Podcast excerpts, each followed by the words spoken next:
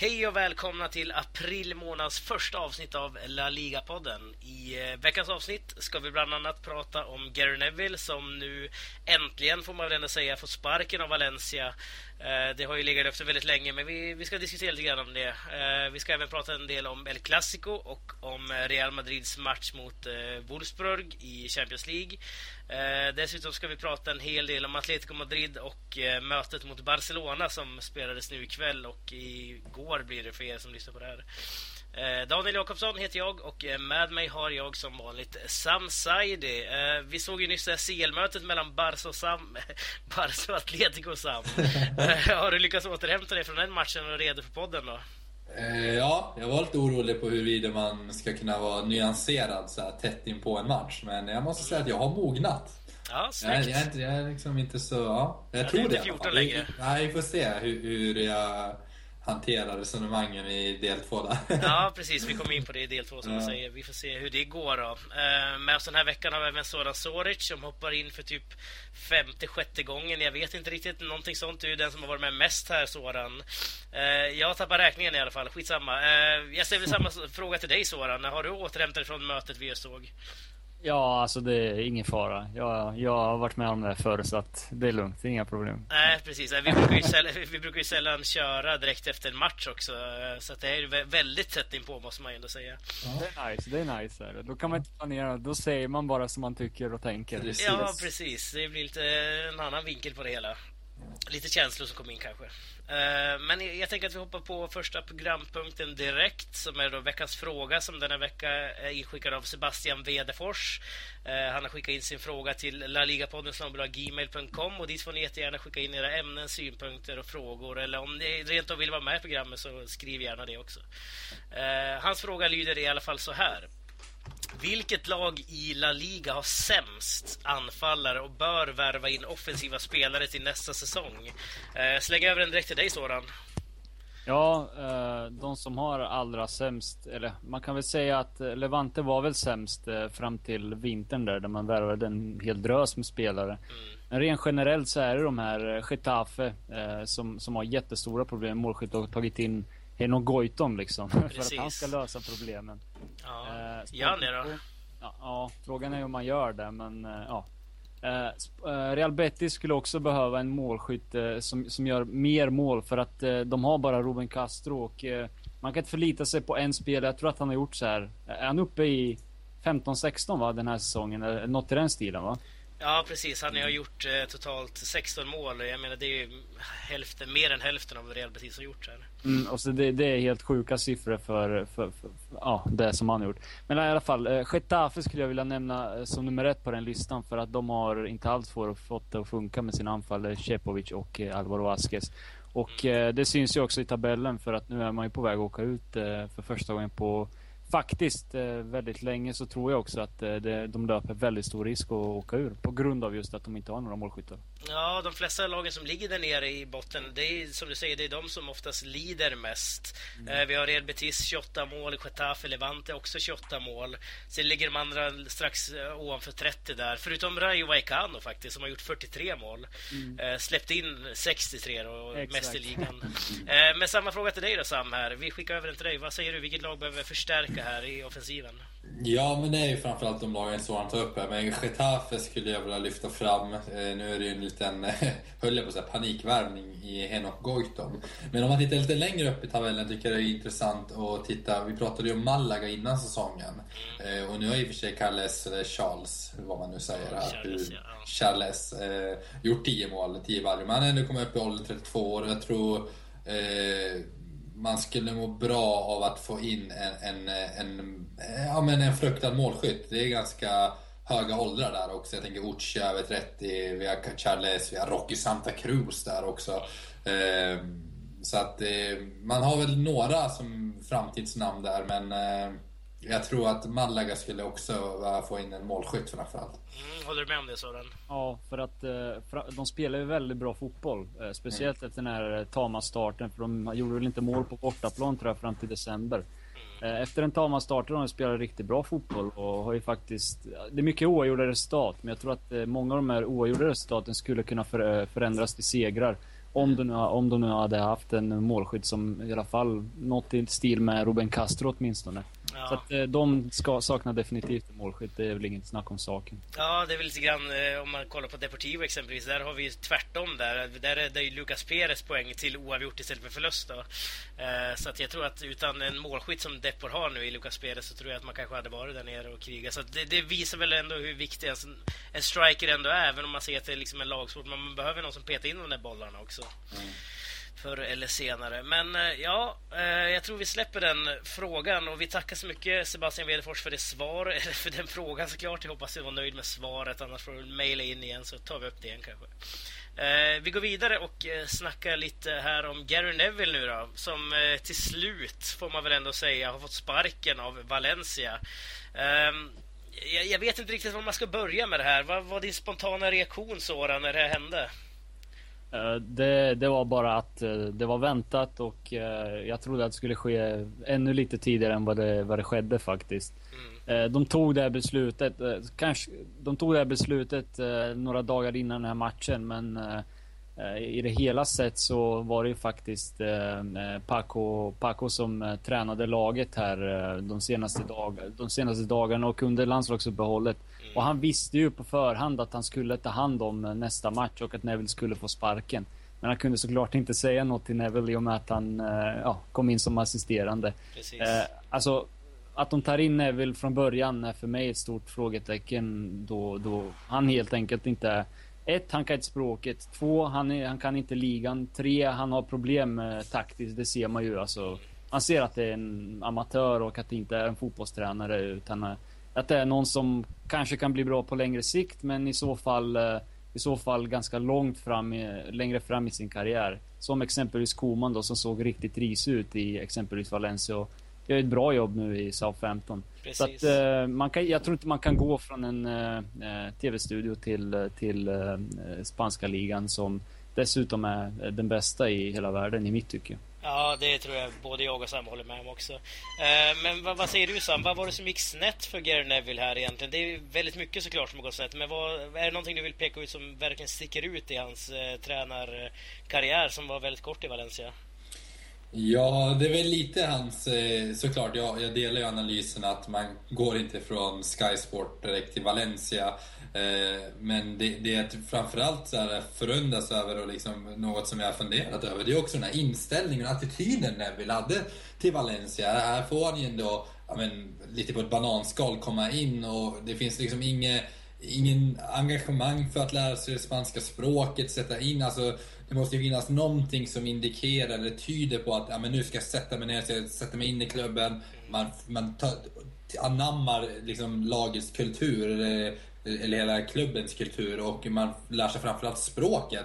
Och, eh, eller i alla fall, ja, det är just det, det här försöket. Men sedan framförallt är det ju det här taktiska, att det är liksom det är hans, eh, hans tränaregenskaper som det brister på. Det fanns ju ingen tydlig spelidé. Och vi pratade ju om det i podden förra veckan, att vi, vi har ju inte sett någonting nytt han har kommit med. Och eh, det känns som att han bara ställer ut eh, sitt lag på pappret och hoppas lite på det bästa. Ja, precis. Han, han är ju dessutom nu faktiskt Valencias sämsta tränare i La Liga genom alla tider.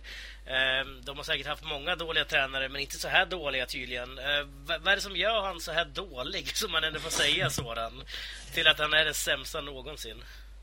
Ja, framförallt är det resultaten till att börja med.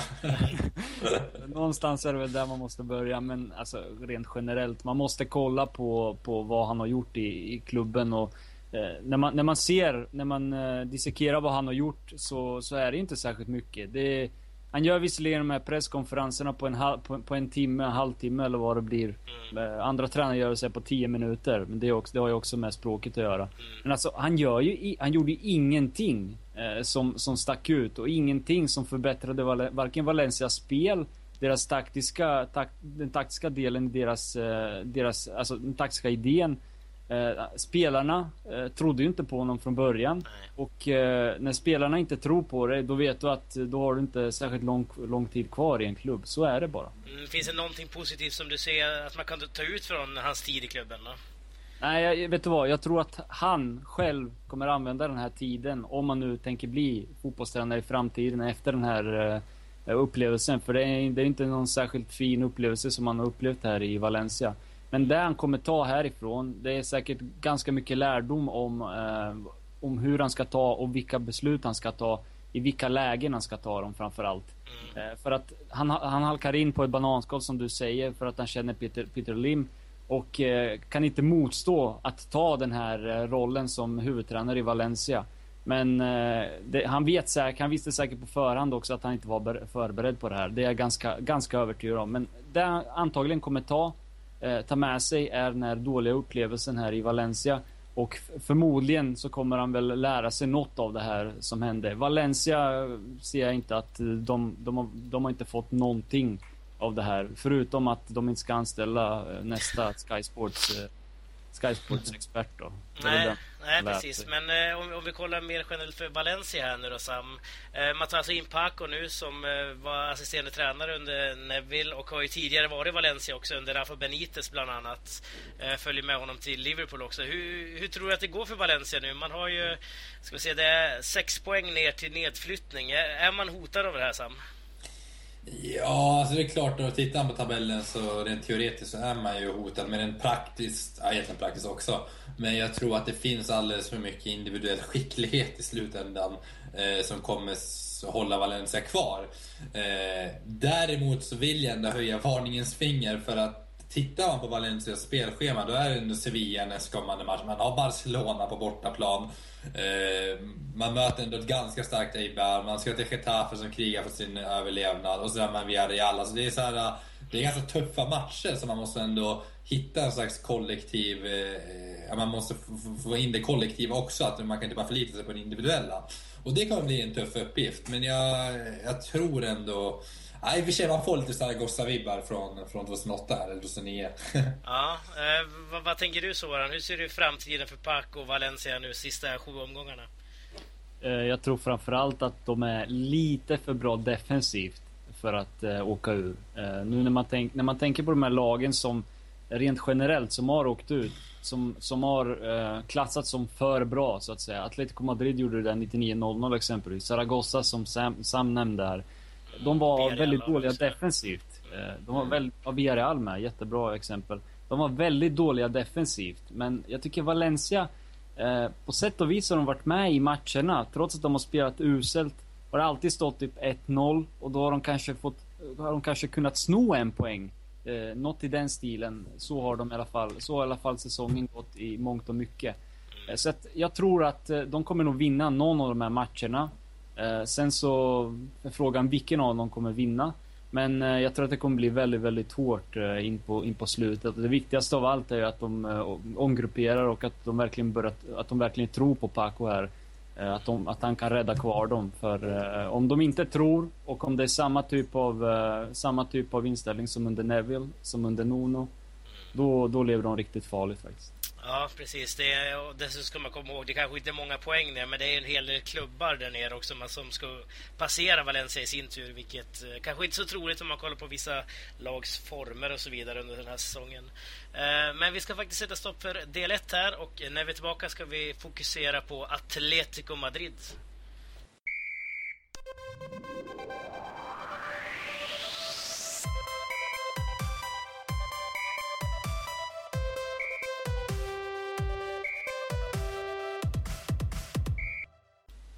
Atletico Madrid har i helgen som varit avfärdat eh, Real Betis med hela 5-1 efter en väldigt stor uppvisning på Vicente Calderón.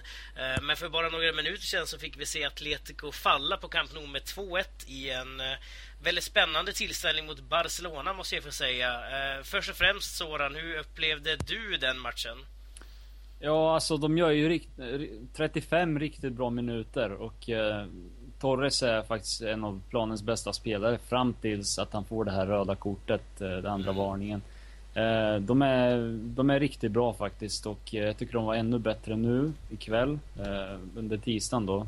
Mm. Än sista gången de möttes på Camp Nou och då hade de till och med ännu mer boll. Just de här 35 minuterna var kanon. Och sen förändras ju matchen helt och hållet då efter utvisningen så att det blir ju spel mot ett mål och sen någon sporadisk flykt där i för Atletico. Som mer eller mindre bara får hålla i och hoppas på, eller inte hoppas, men i alla fall kämpa sig till, eh, eh, uddamålsförlust och det lyckas man ju med i slutändan. Ja, var det rättvist tycker du? Eh, rättvist, det finns inget som är rättvist utan eh, man, man ser till att skapa sin egen, eh, skapa, skapa resultat och vinna matcher. Det, jag tror inte på rättvisa inom fotbollen. Nej. Eh, hur upplevde du matchen då Sam, som Barcelona-supporter? Eh, ja, ur ett Barcelona-perspektiv så var det ju två skilda halvlekar. Så även eh, efter Torres röda kort så fick inte Barcelona till särskilt bra eh, under andra halvleken där, eller första halvleken. Utan det är först andra halvlek man kommer ut som ett nytt lag och verkligen höjer eh, passningstempot och sätter eh, bolltempot och inte faller in i den här, äh, men, Atletico av förklarliga skäl vill ju dra ner på tempot. Och eh, Enrique hade nog en, någonting sa han i alla fall, för Barcelona spelade snabbare, eh, man hade färre tillslag på bollen och man kom till fler farligheter. Eh, rättvist? ja, jag, jag, tror på rättvisa. så att jag, jag tycker det var ett rättvist eh, resultat. Men det beror ju också på hur man, hur man definierar rättvisa såklart. Men, eh, ja, 2-1. Den här matchen lever ju i allra högsta grad. Ja, precis. Men eh, du var ju inne på det lite här, så. Men vad, vad, om det röda kortet på Torres. Eh, hur ser du på det Sam? Tycker du det var rött kort? Ja, bo, li, li, alltså det där är så svåra avvägningen För att någonstans så eh, hade inte Torres haft ett gult kort så hade han för, med all sannolikhet fått sitt första gula kort där och då hade ju inte någon sagt någonting. Då hade alla köpt det. Men det är just för att det är en viktig match. Det är liksom, han har ett gult kort och då känns det mycket värre och då känns det bara mycket löjligare. Eh, det är klumpigt av Torres, men han är ändå så pass rutinerad och jag, jag, kan, jag tycker generellt någonstans att eh, i de här mötena som Atletico har spelat mot Barca på senare tid eh, inte har liksom behållit den här lilla extra kylan. Eh, Filipe Luis kunde inte behålla kylan. Diego Godin lyckades inte heller förra gången. Och jag vet att Simeone vill att de ska ligga där på gränsen hela tiden. Och när man inte behärskar gränsen då, då tar man de här klumpiga korten. Ja, hur ser du på det här Soran? Alltså, han måste lära sig. Torres är, vad är han, 31 eller något, 32. Och han måste kunna veta att man går inte in på det där viset när man har ett gult kort. För vi vet också att Busquets har, eh, ja, i det förflutna så har han gjort lite grejer och filmat och så vidare. Så att han kommer inte tveka och kasta sig och överdriva. Men eh, jag tycker att eh, Torres får skylla sig själv helt enkelt. Och eh, jag har ingenting emot att domaren ger ett gult kort, vilket eh, säkerligen kommer att pratas väldigt mycket om det här i Spanien. Men eh, rent generellt så, så kan jag tycka att domarnivån var Alltså domarnivån var inte tillräckligt bra tycker inte jag. Det är vida skilda bedömningar på situationer. Eh, exempelvis har vi Busquets som kapar, eh, var det Griezmann där i efter ut, precis efter utvisningen får inte guldkort. Sen gab, kapar ju Gabi någon spelare också där i slutet av matchen och det är jättekapning i stil, ja, nästan nivån, nivå, lite nivån under Neymar, Lukas kapning på Neymar och får inte gult kort. Så att, eh, jag tycker att domaren måste hålla en mycket jämnare nivå för att det är svårt för spelarna att veta exakt vad man får göra och vad man inte får göra. Eh, och på så vis så skapar det också irritation på planen och även om det var ganska, ganska rent i jämförelse med hur det kan, verkligen kan se ut eh, i den här typen av matcher när det gäller så mycket. Och det var ju också att eh, domaren efter det här röda kortet fick ju någon slags eh, hamnade i en sån här ond cirkel någonstans. Så att, att eh, man hela tiden ville kompensera det. Mm. Kompensera det dåliga, eller det röda kortet med, med ännu fler så kallade felbeslut om man anser att det var ett felbeslut eh, när det kommer till Torres röda kort. Så vill ju domaren någonstans tillfredsställa Atletico-spelarna och lugna ner känslorna. Så det är liksom ett mänskligt beteende där också. Men sen en annan sak angående Torres röda kort. Det var också lite otur. För hur ofta får Busquets en sån dålig touch som han får där? Och sen det var ju liksom det som ställde till det lite för Torres. För att han, hade, han, var ganska, han stod ganska rätt i sin press där. Och Busquets hamnade i ganska trångt läge. Men sen någonstans så tappade han kontrollen över bollen och då kommer Torres också fel. Mm. Om vi kollar lite mer generellt, om vi droppar just den här incidenten. Om vi kollar på Atletico Madrid i Champions League här nu då. Man förlorar som ett 2-1 borta mot eh, Barcelona. Hur ser det ut inför returen Soran? Har man en chans att ta sig vidare här?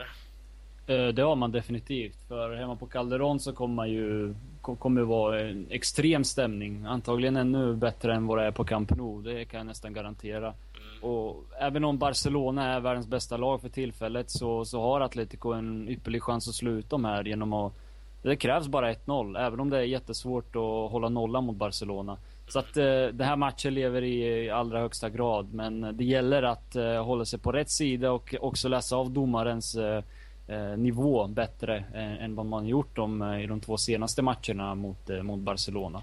Ja, är du inne på ungefär samma här Sam? Att det är en väldigt öppen historia? Eller känner du att det är något lag som har en kanske liten fördel för returen?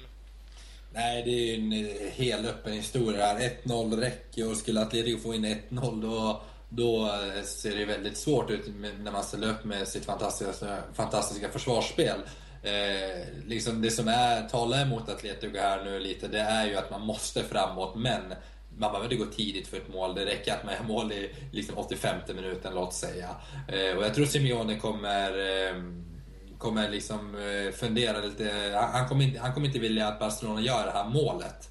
Och eh, kommer nog vara en ganska lik matchbild, men med, med Calderon i ryggen Eh, och eh, med den aggressivitet och taktiska briljans som Simeone eh, liksom har så, så tror jag att Atletico har stora möjligheter. Men det gäller som sagt att hålla tätt bakåt. För att Atletico Barcelona vet också att Atletico måste framåt och det kan också öppna upp lite ytor bakåt. Mm. Uh, jag tänkte att vi skulle droppa Europasnacket här om Atletico lite grann och fokusera lite mer på Spanien här nu. Uh, Atletico Madrid ligger nu i och med Barcelonas förlust i El Clasico. Uh, bara sex poäng bakom Barca i ligan. Det var lite tråkigt, och synd där för Atleticos del att man torskade mot Sporting Gijon för några veckor sedan. Men är det realistiskt sådan att ditt Atletico skulle kunna ta sig ikapp Barca och kanske vinna ligan i slutändan?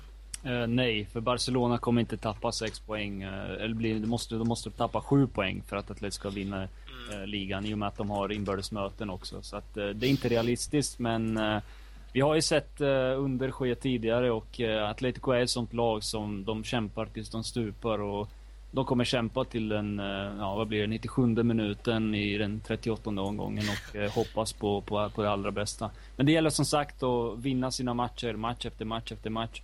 Och sen beror det på också hur långt man kommer i, eh, hur långt man går i de här, i Champions League så att säga. För ju längre man går i Champions League, desto mindre, desto mindre, vad heter det, eh, vila har man, desto mer spelare måste man rotera. Eh, det är en del ganska halvsvåra matcher i alla fall kvar och eh, jag tror att eh, eh Barcelona har ett något mer gynnbart eh, spelschema efter eh, att de har mött Atletico här nästa vecka. Mm. Eh, vad, vad, tycker du om det Sam? Eh, köper du sådans resonemang där att man kanske inte... Att det inte är realistiskt för Atletico att ta ikapp där? Eh, ja, det kanske inte beror på att Barcelona kanske kommer gå rent helt. Eh, utan det, det ska ju mycket till att Barcelona, eller att Atletico också lyckas gå rent samtidigt som Barcelona tappar de här sju poängen. Eh, så att ja, det ser onekligen svårt ut. Men man får inte glömma heller att jag tror mycket avgörs också nu de närmsta två veckorna. Alltså Barcelona ska ändå till Anoeta och vi vet ju hur svårt Barcelona har mot Sociedad borta. Och låt oss säga en förlust där och Atletico vinner, då vinner jag på tre poäng. Och så möter man eh, ett Valencia som kanske får någon ny tändning. Så att ja, Anoeta-matchen nu på lördag, det, kan, det blir en väldigt intressant tillställning för det fortsatta, för det fortsatta ligaspelet. Men jag är nog inne på sådant spår också att det ska mycket till ändå att Barcelona tappar det här. Ja, precis. Vi har även Real Madrid såklart med i ekvationen, men ligger en poäng bakom Atletico, vilket kan, kanske är ännu större. En poäng är väldigt stort i det här läget, måste man ändå säga, om man kollar på Barcas spelschema som nu är inne på. Ja, och Barcelona har ju också inbördes både mot Atletico och Real Madrid, så att det blir som en extra poäng där. Mm. Så det är sju precis. poäng, min mamma. Ja. ja. Precis. Eh, men om vi kollar på målskyttet här i ditt Atletico och sådan. Förra gången vi pratade så var det ju ofta mycket det vi la fokus på, att det var väldigt stora problem med målskyttet i Atletico. Nu har man gjort 15 mål på fem ligamatcher och eh, det, det ser mycket bättre ut än tidigare. Håller du inte med om det? Jo då, det, det, ser mycket bättre ut. Men det har också att göra med att spelet ser också bättre ut. Eh, ett, ett, det stora problemet är att man inte har den här målskytten som gör 20 mål, 25 mål per säsong. Mm. Eh, utöver Griezmann då.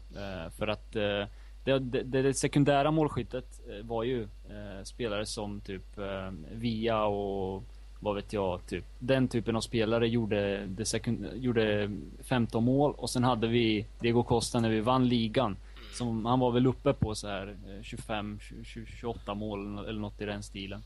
Ja. Så det saknas en anfallare, det som Jackson Martinez skulle bli, för att Atletico verkligen, verkligen ska kunna eh, sno åt sig exempelvis 2-2 på Camp Nou här eh, nu på kvällen. Eh, med, med en liten snedspark eller något i den stilen för att målskyttar har trots allt det där i, inom sig att eh, de vet hur de ska agera i vissa situationer. De vet hur de ska söka upp de här riktigt eh, farliga situationerna.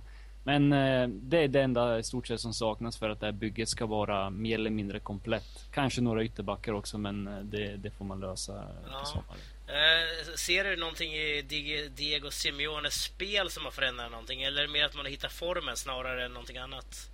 Jag tror att det, alltså, de, de är ju så här ett lag som verkligen tränar jättehårt på försäsongen och sen har de kanske en dipp i någon gång i, vad vet jag, i oktober och sen får de en dipp i februari och nu ska de vara förberedda för slutet av säsongen och vara hundraprocentiga, vilket de är, vilket man ser också rent fysiskt och rent spelmässigt.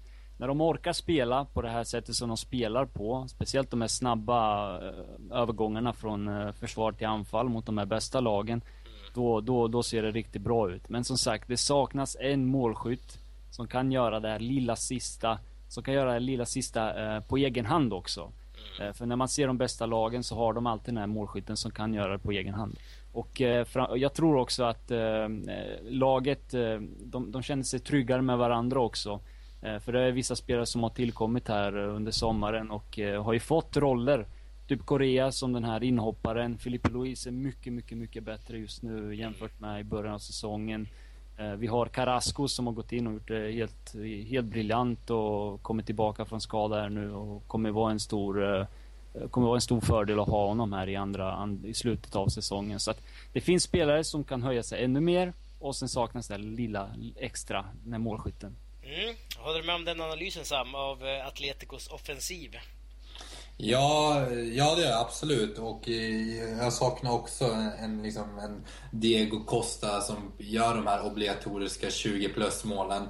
Eh, och just det här rörelsemönstret i, som de här forwardsarna har. Det är ju lite det som, eh, eh om man jämför Barcelona, dagens Barcelona med det Barcelona som 2014, hade ju inte vänt den här matchen till, till 2-1. Eh, för nu har man Suarez som bara står rätt. För att han har det i sig och det är det som är skillnaden med dagens Barcelona och det Barcelona som åkte ut mot Atletico 2014. Och det är lite tvärtom i det här fallet. Nu har inte Atletico eh, den spelaren i Diego Costa. Eh, alltså jag tyckte ju till och med vad heter han, Adrian Lopez skulle ha den förmågan ibland. Och han var ju liksom en supersub som också kom in på många sätt och jag, jag var väldigt imponerad av honom. Nu hade inte han en kontinuerlig spel, eh, speltid. Eh, men ja, just, är Deportivo däremot. Ja, men just att man, man har inte det alternativet nu och Jackson Martinez blev ju inte den, den figur man hoppades han skulle bli. Eh, så att ja, en, en forward vi diskuterade där i första delen. Kanske vi borde lyfta in Atletico där. ja, precis som en eh, supersub eventuellt. eh, nej, men eh, jag, jag, kan väl dela den eh, analysen också. Jag tänker så Torres tänkte jag hade vaknat till någonstans nu. Han har varit skadad lite och sådär, haft lite problem. Eh, men han gjorde, har gjort sina mål och gjorde mål mot Barca nu, mot Sporting Gijon tidigare. Eh, kan inte det vara en sån spelare sådan? Jo då, eh, på sistone ser man ju också eh, de sista två målen som man har gjort där. Det är ju sån här carbon copy av Koke Diego Costa. Koke tar bollen eh, mellanytan, spelar, spelar i djupet, Torres springer ifrån och Torres gör mål. Så fungerade ju samarbetet väldigt, väldigt mycket mellan Koke och anfallaren. För Koke är den som ska sätta fram, alltså spela fram de, de flesta målen. Och eh, sen är det ju så här också att eh, Cholo har inte erbjudit honom kontrakt. Eh, det är medvetet. Så att Torres ska verkligen ska slita för, för ett nytt kontrakt.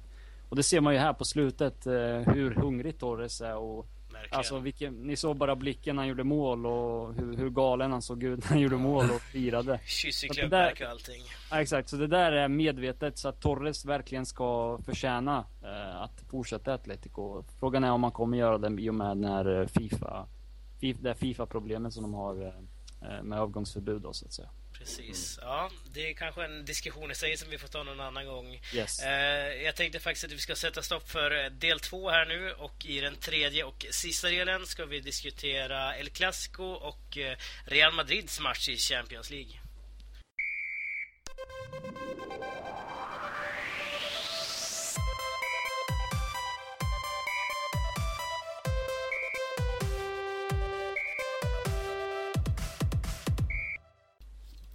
Denna tredje och sista del var min tanke att vi skulle lägga lite fokus på El Clasico och Real Madrids fortsatta jakt i Champions League. I eh, helgen som var så lyckades alltså Real Madrid åka till Camp Nou och eh, ja, besegra, jag tänkte säga krossa, men det gjorde man ju inte. Men man besegrade i alla fall katalanerna med en smula överraskande 1-2. Um, ehm, varför blev det så här för, för ditt Barcelona, Sam? Ja, bra fråga. Eh, det kändes nästan som att alla bara förväntade sig, och Barcelona själv också, att de förväntade sig att de kommer vinna den här matchen. Och speciellt efter Piqués förlösande 1-0 mål känns det ju liksom, ja men det här, nu är det klart. Mm. Eh, och precis allt snack innan matchen att Barcelona är bättre än Real Madrid.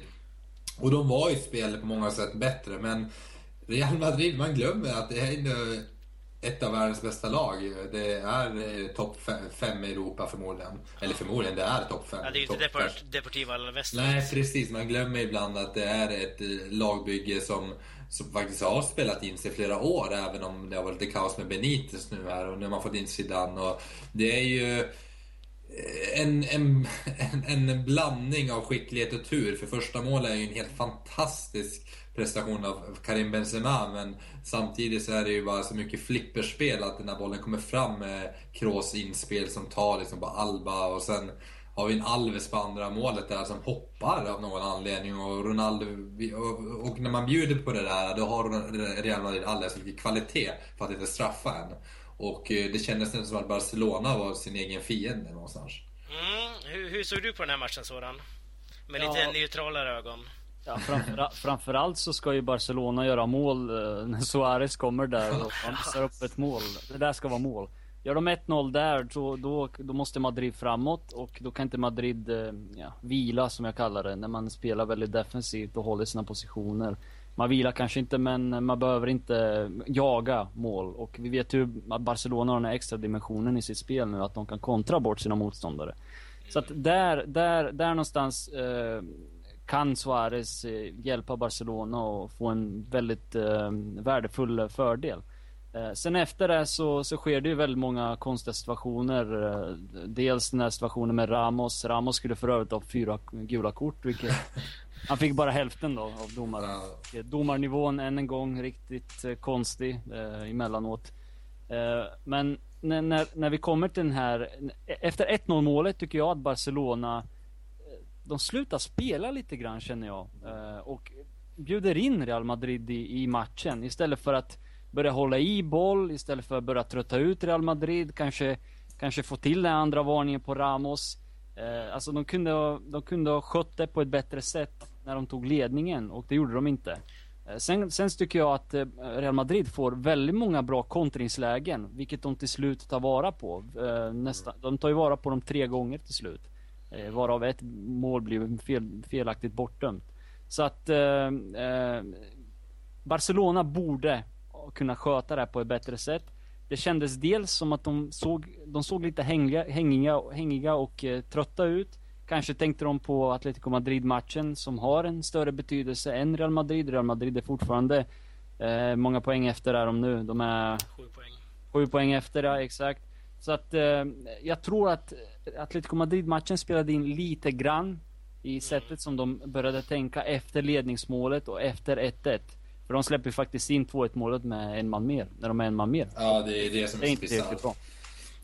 Nej, precis. Man, man känner sig ju faktiskt, som du säger här, efter 1-0 väldigt bekväma. Nästan som att ja, men mm. matchen är över nu. Eh, sen får Ramos, det gör Benzema 1-1 sen också. Sen blir ju Ramos utvisad. Och där någonstans känner man att ja, nu kommer ju Barca forcera. Eh, det hinner man ju förstås inte göra då Ronaldo gör mål strax därpå. Men eh, känner inte du också lite grann sådär Sam, att man var lite bekväma i Barca-lägret? Jo, och det, man, man, kan spekulera i vad det kan bero på, eller vad det berodde på. Och Atletico-matchen eh, som spelades ikväll var säkerligen en, en förklaring. Eh, men också kanske att man inte... Ja, men det, det, ligan, eh, man, man, känner kanske inte samma eh, hot från Real Madrid. Man kanske ser Atletico som det stora hotet. Och någonstans har väl eh, allt snack också kring kring eh, Barcelona och hur mycket förväntningar var på att man skulle rulla hem den här matchen. Men också någonstans ja. att man kände sig väl någonstans också att man hade koll på läget, även om man inte spelade på topp. Man fuskade lite i försvarsspelet för att Ja, Väldigt man mycket göra skulle jag det. säga. Ja, så det var mycket så här konstiga missar och lite fusk och ja, som, som straffade till slut. Och där jag menar, där har Real Madrid för mycket kvalitet. Och det, det är det som är också min poäng att Barcelona var ju sin, stora, sin egna fiende i slutändan. Ja, precis. Eh, Real Madrid här nu går alltså därifrån från Camp Nou med tre poäng och kliver in med väldigt högt självförtroende då i eh, veckans, i dagens match blir när det släpps. Eh, matchen mot Wolfsburg i Champions League. Ett åttonde placerande Wolfsburg i Bundesliga för tillfället. Det här, man, kan man torska den här matchen sådan? Ja. Ja, det är klart man kan det. Det, det är väl inget snack om den saken. Eh, det gäller bara att man underskattar sina motståndare lite grann så, så kan, de, kan de göra två snabba och så, så står man där med skägget i brev, brevlådan. Så att eh, det gäller att vara på sin vakt. Och Real Madrid tror jag, den här segern i El Clasico, den var väldigt viktig för Real Madrid. För eh, de har ju inte Ja, de har, de har visserligen vunnit här men i de stora matcherna har de inte riktigt eh, fått till det. Exempelvis som, som mot Atletico Madrid. Så att eh, jag tror att den här segern, den stärker Real Madrid väldigt mycket. Precis så som media i Madrid vill få det till. Även om de gillar att överdriva lite grann. Men det stärker Real Madrid och jag tror att Real Madrid Real Madrid har ett eh, väldigt bra spelschema nu. Eh, I och med att de möter Wolfsburg att, eh, och eh, Barcelona måste, måste möta Atletico Madrid nästa vecka. De har Real Sociedad som de har, som de har ganska svårt mot på bortaplan. Eh, så att jag tror att de, de, de, de känner lite vittring just nu, Real Madrid. Men eh, i slutändan så tror jag fortfarande att eh, Barcelona vinner ligan. Och Real Madrid har en ganska bra chans i Champions League i och med att den här lottningen som de fick mot Wolfsburg. Men se upp med Wolfsburg. De, är, de, de går för fullt för Champions League och eh, satsar inte alls på ligan på samma vis som, som exempelvis i fjol. Nej. Och det är svårt för den här typen av lag som Wolfsburg är, som inte är etablerade i Champions League, att kunna slåss på två olika fronter. Precis. Men se upp för eh, Wolfsburg. De har eh, väldigt bra kontringsstarka spelare och eh, är grymma på fast situationer. Och som vi vet så Ja, det krävs inte mycket för att man ska släppa in ett mål och plötsligt känna en stor oro och därifrån kan, kan allting spåra ur. Så att, se upp för dem.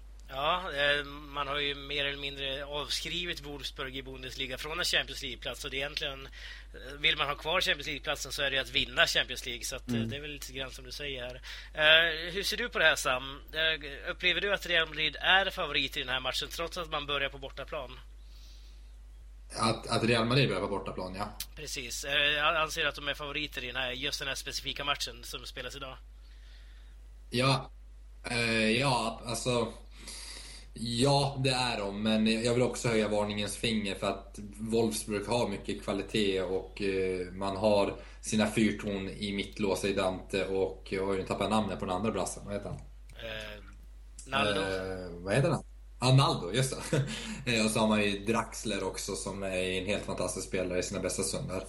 Eh, så att, men ja, Real Madrid är på alla plan ett bättre lag och ska eh, slå Wolfsburg. Men eh, i Tyskland, om vi bara isolerar den här matchen så, så kommer det bli tufft. Men jag tror över två matcher så kommer Real att fixa det här. Mm. Uh, härligt, jag tänkte att vi lite kort ska hinna med Europa League-matchen också när vi ändå är inne på Europa här. Uh, vi har då tre spanska lag vidare. Eh, vi har Villarreal mot Sparta Prag och Athletic Bilbao mot eh, de tvåfaldiga mästarna Sevilla. De har vunnit två år i rad. De har vunnit såklart fyra totalt, tror jag det är, mest i hela Europa League. Eh, om vi börjar med Villarreal Sparta Prag, Soran. Hur ser du på det här mötet? Uh, Villarreal är ju så, förstås storfavoriter, precis som Real Madrid är mot Wolfsburg. Så att uh, Villarreal bör ta hem det här, även om Sparta Prag har överraskat och gjort det riktigt bra i Europa League så här långt och slagit ut uh, tror de slog ut Lazio gjorde de och eh, de vann väl på bortaplan med 3-1 också på Precis, Olympico, väldigt vilket är, vilket är väldigt meriterande. Och de är duktiga kontrings, de är ett duktigt kontringslag och ganska farliga i den typen av spel. Men Villarreal, eh, jag tycker att Villarreal är ungefär lika bra som de är i fjol. Men i år har de någonstans eh, undvikit den här skadekri- eh, enorma skadekriserna som de hade i fjol, vilket i sin tur också resulterade i att de, de åkte ur. Eh, exempelvis Europa League och inte kunde slåss om Champions League-platsen. Så att eh, Villarreal bör såklart eh, ta sig vidare här, det är väl ingen snack om saken. Mm, håller du med om det Sam? Det verkar vara en liten delay på Sam här. Ehm, Jag märker att mitt internet har gått ner sig här. Eh, Men för att hålla mig kort så ja, jag, jag delar Solans, Solans analys och Villarreal eh, kommer vara nummer för stort i slutändan. Mm. Eh, då fokuserar jag lite mer på dig här och Soran. Eh, Atletic Bilbao och Sevilla då? Hur ser du på det helt spanska mötet? Det, det är däremot eh, betydligt mer osäkert vem som går vidare här. Mm. Jag tror väldigt mycket, väldigt mycket kommer att avgöras på vad som händer på Sanchez Pijuan. För att eh, Sevilla som vi vet är, de, de är väldigt, väldigt skickliga i Europa på att spela på resultat. Och eh, det spelar ingen roll om de, om de förlorar med kanske med 1-0 eller 2-1. De har eh, sin hemmaplan och de, de går mer eller mindre rent på hemmaplan. Förutom nu då i helgen mot Real Sociedad. Så att, eh, och deras fokus ligger ju helt och hållet på, eh, på eh, Europa League.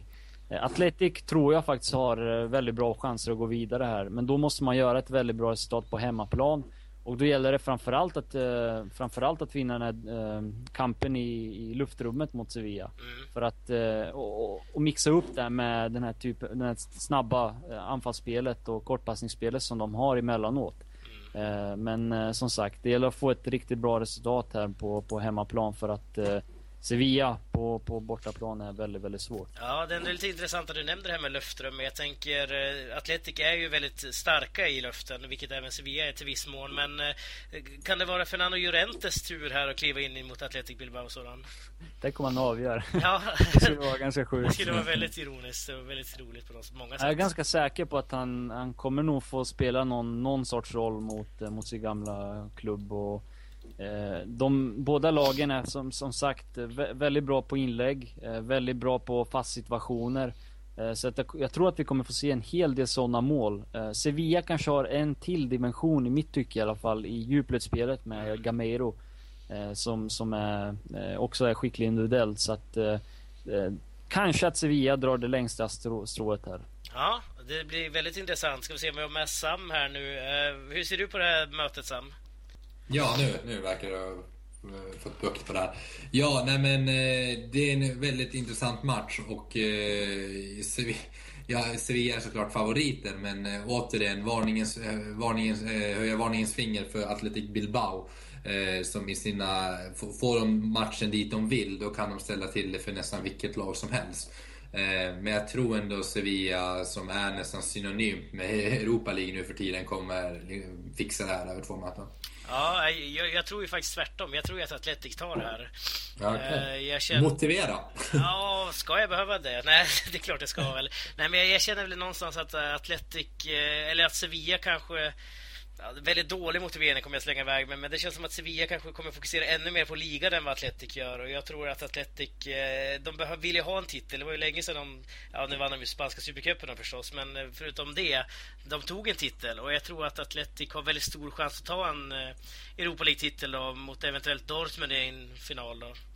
Mm. Så att det skulle vara kul att se om inte annat Atletic Bilbao mot Dortmund. Ehm, tycker jag alla fall. Värt att nämna är i alla fall att eh, uh, Athletics, Athletics spelar mot Rayo Vallecano uh, på söndagen där och uh, Valencia möter Sevilla. Så att Sevilla har en betydligt svårare match i helgen och kommer väl antagligen få rotera där för att på något sätt få ihop det. För att de slåss ju trots allt om en Europaplats också i, i ligan och inte bara i, i vet det, Europa League. Och det gör ju Atletico också men de kan ja, Rayo på hemmaplan bör de ju faktiskt fixa. Det kan man ju tycka. Precis. Det är skitbra att ta upp det här Soran, för jag tänkte att vi skulle gå in på just den här matchen Valencia-Sevilla. Eh, därför vi ska tippa veckans match, eh, som är den näst sista programpunkten vi har. Och eh, förra veckan så tippade vi förstås eh, El Clasico, Barcelona-Real Madrid. Och eh, då tippade ju du samt 2-1 till eh, Barca. Jag tippade 2-0 till Barca och även Surush, Real Madrid-supporten, tippade 3-1 till Barcelona. Eh, och, så vart det ju inte det såklart. Det vart ju 1-2 till Real Madrid där, så att ingen av oss kammade hem några poäng förra veckan. Eh, mm. det, det, det, säger väl en del om vad vi trodde om El Clasico på förhand kanske. Men eh, som sagt, den här veckan ska vi tippa Valencia-Sevilla och jag tänkte att du ska få börja sådan. Eh, då säger jag, jag tror att det blir kryss först och främst och jag säger att det blir 1-1. 1-1 säger jag. Ja, Pacos första poäng där då. Mm. Ja, eh, vad säger du Sam? Ja, det blir en effekt av Gary Neville har lämnat stan och då blir det tre poängare. Så 2-0, 2-1, nej 2-1 till Valencia. 2-1 till Valencia, ja det blir 1, kryss 2 här. För jag kommer säga 0-1 till Sevilla. Eh, den här matchen är ju väldigt öppen, måste man ändå säga. Men jag tror att eh, Sevilla har ju, de behöver ju sina poäng i ligan nu och Valencia har ju egentligen ingenting att spela för förutom sin överlevnad. Men det kommer man ju ändå klara, tror jag. Men, men, tänk på att Sevilla alltjämt inte har vunnit på bortaplan i ligan. Ja, det, den är stor nu när du säger det så. Eh, förlorade ju å andra sidan sin första hemmamatch för i år va? Eh, så ja, att, så, så, du tror på det? Alltså. Jag tror på en omvänd effekt där. Mm, precis. Eh, men härligt. Eh, Sam, ska du köra veckans lista? Ja, och veckans Faubert... Eh, nej, vi börjar med veckans Trojero. Höll på mm. Ja, tvärtom där första gången. Veckans Trojero går till eh, en, en tränare som Ja, jag tror sen eh, Bernt Schuster var där senast eh, som lyckades vinna sitt första klassiker där. Men Zinedine Zidane, som jag har varit skeptisk till, men han förtjänar nog ändå en, sin första Tokiero. Det är inte lätt att komma till, till Camp Nou och ta en eh, trepoängare första gången, eller ja, som tränare första gången i Real Madrid och sitt första El Clasico. Så det, det, är en stor bedrift och det är eh, mycket tack vare Zidane som man kanske har fått tillbaka någon slags harmoni i, i det där gänget. Ja, det är gärna så till Zidane och inte Ronaldo eller Madrid med andra ord. Nej, Zidane, Zidane får den. Ja, eh, veckans ja. Faber då? Ja, det blir, jag höll på att säga en kollega till honom, men det, är, det här är ganska rekord tror jag. Att Gary Neville kommer få sin tredje Faubert på så kort tid. Ja. Men det säger ändå också väldigt, eller väldigt mycket om hans sejour i klubben. Eh, nu är det ju liksom, det här är ju jag försöker räkna ut om vi har någon motsvarighet det här i spansk fotboll. Eh, vet ni någon. Som Oj, har gjort det så dåligt på så kort tid. Och då måste jag eh. tänka, vad hette han portugisen som var i Deportivo i två månader? Kommer jag, nu har jag tappat namnet, men det, det var ju när Depor åkte ner andra gången. Det var ju fruktansvärt dåligt. Men nu, ja. nu har jag tappat namnet på den mannen. Nej, men Gary Neville, eh, nu är det ju hans sejour. Nu, hans sejour i Valencia är ju ett stort liksom, F och då är det inte bara fail utan då är det ett stort Faubert. eh, så det är inte bara för veckan utan det är väldigt ett Faubert med stora bokstäver. För Gary Neville var en flopp och jag hoppas att eh, många klubbledningar lär sig av det här misstaget att man inte ska bara ta profiler som kanske har ett känt namn och sitter i en studio. Mm. Hur, hur, länge så, satt och tänkte på den där veckans Faubert med ett stort F? Inte Nej, det... ja. Nej, den kom nu faktiskt. Ja, okay. ja, härligt. Köper du listan sådan? Madrid kan få Tokero, det tycker, eller vad säger jag? Tokero ja, ja exakt. De gjorde det riktigt bra på, på Camp Nou och som vi vet så var det Barcelonas första förlust på typ 40 matcher. Så att mm. det måste de ju få liksom. Och jag tycker att framförallt då Casemiro gjorde en riktigt, riktigt bra insats där. Och var ju lite skillnaden efter att Barcelona missade sina chanser. Eh, mot, eh, mot eh, Real Madrid. Eh, veckans Faubert får däremot Getafe 9, 11 eh, raka utan seger och 9 förluster under den här tiden. Och dessutom så är det inte ens Fran Escriba som rattar deras träningar längre tydligen, utan det är eh, andra tränaren som eh, mer eller mindre är Angel Torres, då presidentens eh, eh man. Så att eh, Getafe får verkligen skärpa sig om, om de vill fortsätta spela i Primera Division. Oj, vad jag älskar Angel Torres ibland. Han är, ja, han är härlig. Får se om Henok Goitom kan få skjuta på rätt Ja, vi får se. Ja, men härligt hörni. Vi ska runda av här. Men tack så jättemycket för att du var med den här veckan Soran. Absolut. Eh, och tack till dig också Sam. Ehm, vi andra vi hörs ju nästa vecka. Om ni vill skicka in ursäkta, en fråga, ett ämne, en synpunkt eller kanske till och med vara med i programmet så gör gärna det till laligapodden snabelagmail.com och ni får jättegärna besöka vår hemsida laligapodden.se. Eh, tack så mycket för oss. Hej då! よし!